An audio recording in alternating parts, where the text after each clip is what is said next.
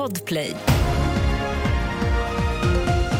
Senaste nytt här. Sent igår kväll antog FNs generalförsamling en resolution om omedelbart humanitärt eldupphör i Gaza.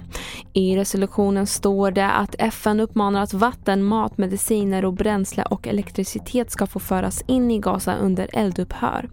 120 länder röstade för en vapenvila, bland annat Frankrike. USA och Israel röstade emot och Sverige la ner sin röst.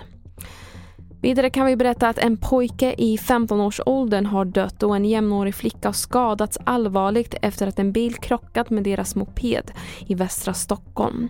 Föraren smet ifrån platsen men polisen grep senare mannen som är i 40-årsåldern och som nu misstänks för bland annat grovt vållande till annans död och drograttfylleri. Och till sist kan vi berätta att Barcelona öppnar portarna till en ny konstutställning.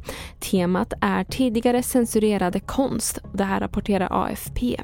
Den aktuella utställningen på Museet för förbjuden konst innehåller 42 verk från hela världen som har fördömts, attackerats eller tagits bort från utställningen. Och det här var det senaste från TV4 Nyheterna och jag heter Meriem Jamil.